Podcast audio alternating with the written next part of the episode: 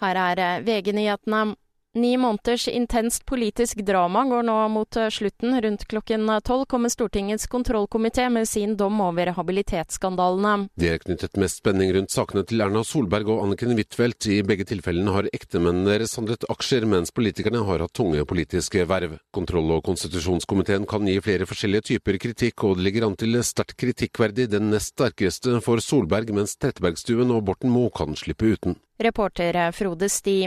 En person sitter fastklemt etter en trafikkulykke i Holmestrand i morges. Ifølge politiet fremstår ulykken alvorlig, og luftambulanse er på vei.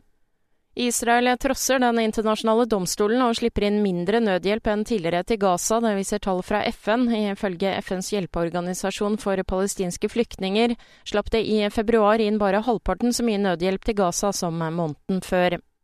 I Sandefjord er en 26 år gammel mann dømt til 30 timers samfunnsstraff etter at han ikke tok vare på dyrene sine.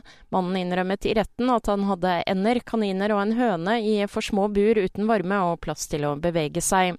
I studio, Kristin Strand, nyhetene får du alltid på VG.